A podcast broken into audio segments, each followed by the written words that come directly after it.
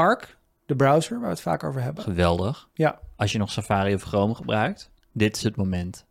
Ik blijf het moeilijk uit te leggen vinden waarom het nou zo ingrijpend is, Arc, waarom het zo ingrijpend is geweest. Waarom Ja. het echt, weet je, zoals Chrome, Chrome, Google Chrome, de browser game totaal omgegooid heeft, Arc dat ook weer gedaan. Ik denk dat het er toch vooral in zit, in dat je, dat je, dat je als je zo'n tapjespersoon was of een bookmarkspersoon, Mhm. dat Arc daar helemaal op ingericht is. En dat je dus veel meer in je browser gaat doen en veel efficiënter kunt werken. En Split View is echt zo simpel, maar zo'n gigantische doorbraak. Ze hebben nu iets heel grappigs gelanceerd, namelijk eh, boosts. En heb je dit gezien? Mhm. Boosts zijn dus is vroeger had je van die nerds die dan grapjes maakten met de Web Inspector in Chrome. Dan kon je bijvoorbeeld eh, de code van een site bekijken en die ook bewerken en dan zag je dat in je browserscherm. Alles in dat- Comic Sans. Ja, bijvoorbeeld alles in Comic Sans of eh, elementen weghalen. Mhm. En dat kon je alleen als je er met je HTML kon. Maar eh Arc heeft het nu beschikbaar gemaakt voor iedereen. Dus jij kunt nu een eh, boost aanzetten dat bijvoorbeeld eh, alle over, voor jou overbodige fu- functies van google.com of van gmail.com worden weggestript, zodat je nog maar de essentie zit, ziet. Maar je kunt ook, als je een eh, visueel ingesteld iemand bent en eh, roze is jouw lievelingskleur, besluiten dat alle sociale media die je gebruikt, dat je die voortaan in roze wordt weergegeven. Ja, dat laatste begreep ik niet.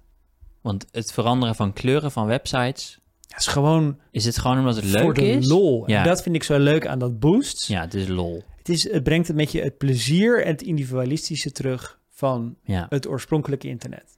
Dus vroeger hadden we allemaal eh, leuke My, MySpace-pagina's of Ja. CU2-pagina's waar je echt die identiteit kon laten zien en lekker nou ja, gewoon creatief bezig kon zijn. Dat is er Mhm. helemaal uitgehaald in de tijdperk van sociale media. Ja. Dat tijdperk is nu over.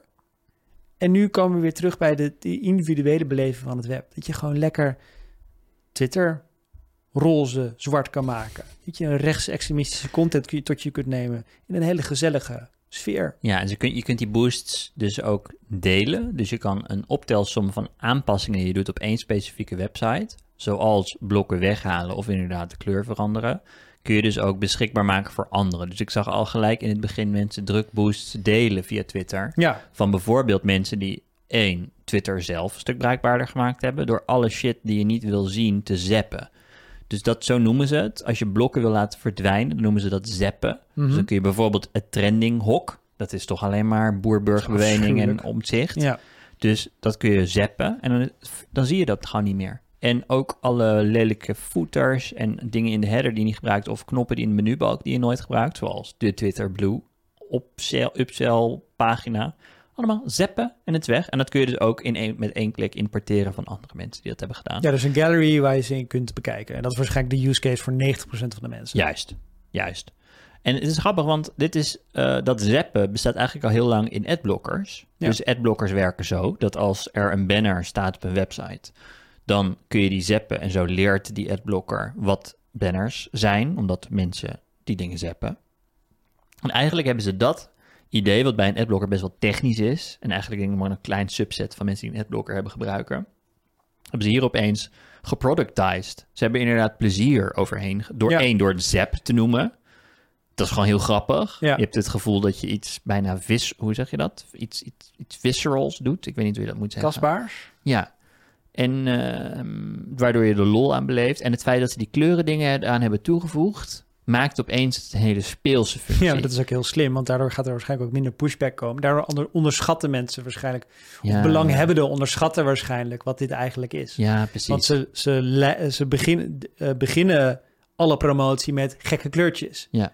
En dan ergens onderaan staat, oh ja, je kunt trouwens ook allemaal advertenties uitzetten. wegzetten. Ja, want je gaat naar Volkskrant.nl, zapt alle ads en je hebt nooit meer ads op de Volkskrant. Ja. Het is als je geen adblocker hebt. Ik bedoel, ik neem aan dat mensen die Arc gebruiken ook een adblocker hebben. Die, die Venn diagram lijkt mij redelijk overlappend. Maar voor, voor Ja. de toekomst waarin dat niet zo is, want mensen willen niet een adblocker voor alles. Dat zou ook nog kunnen, hè? dat je een soort van sympathie hebt voor sommige dingen, maar niet voor de persgroep. En dan zap je alles van anderen. Ja. Dat zou kunnen. Je kunt ook naar de New Yorker boost aanzetten dat je alleen nog maar de cartoon ziet. niet meer de tekst. Ik zou niet weten waarom, maar ja, het kan wel.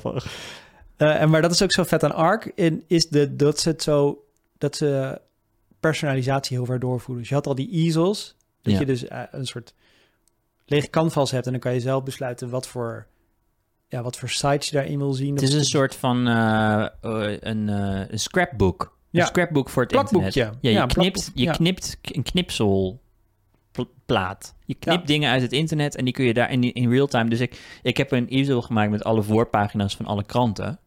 Dus ik kan dan één easel openen en dan krijg ik alle voorpagina's in het klein op één groot. Ja, en dat is heel persoonlijk en heel leuk. En ik, en ik merk, er is gewoon zo'n tegenbeweging nu gaande die, waar ik echt heel blij mee ben. Dat is de tegenbeweging van maximali- maximalisme, eh, creativiteit, plezier. Het was natuurlijk allemaal minimalistisch.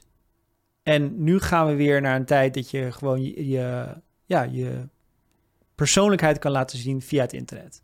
En eh, wat ik een heel mooi... We hadden het hier laatst ook al over dat alles zo minimalistisch werd. En toen vertelde ik over de site van Matt Mullenweg, de founder van WordPress. Dat die, eh, die heeft altijd eh, themes lopen op zijn site. En die had een heel saai theme, heel lang, heel minimalistisch. En ik was dit item aan het voorbereiden en ik zag toevallig iets op zijn site voorbij komen. En hij heeft nu dus weer een lekker uitgesproken team. Met kleuren en creativiteit en gekkigheid. Verf, verf, dus verf op zijn WordPress team. Ja. Dus ik ben heel blij dat we weer teruggaan naar maximalisme. Listen to the full episode of Pom on Podimo from Denmark.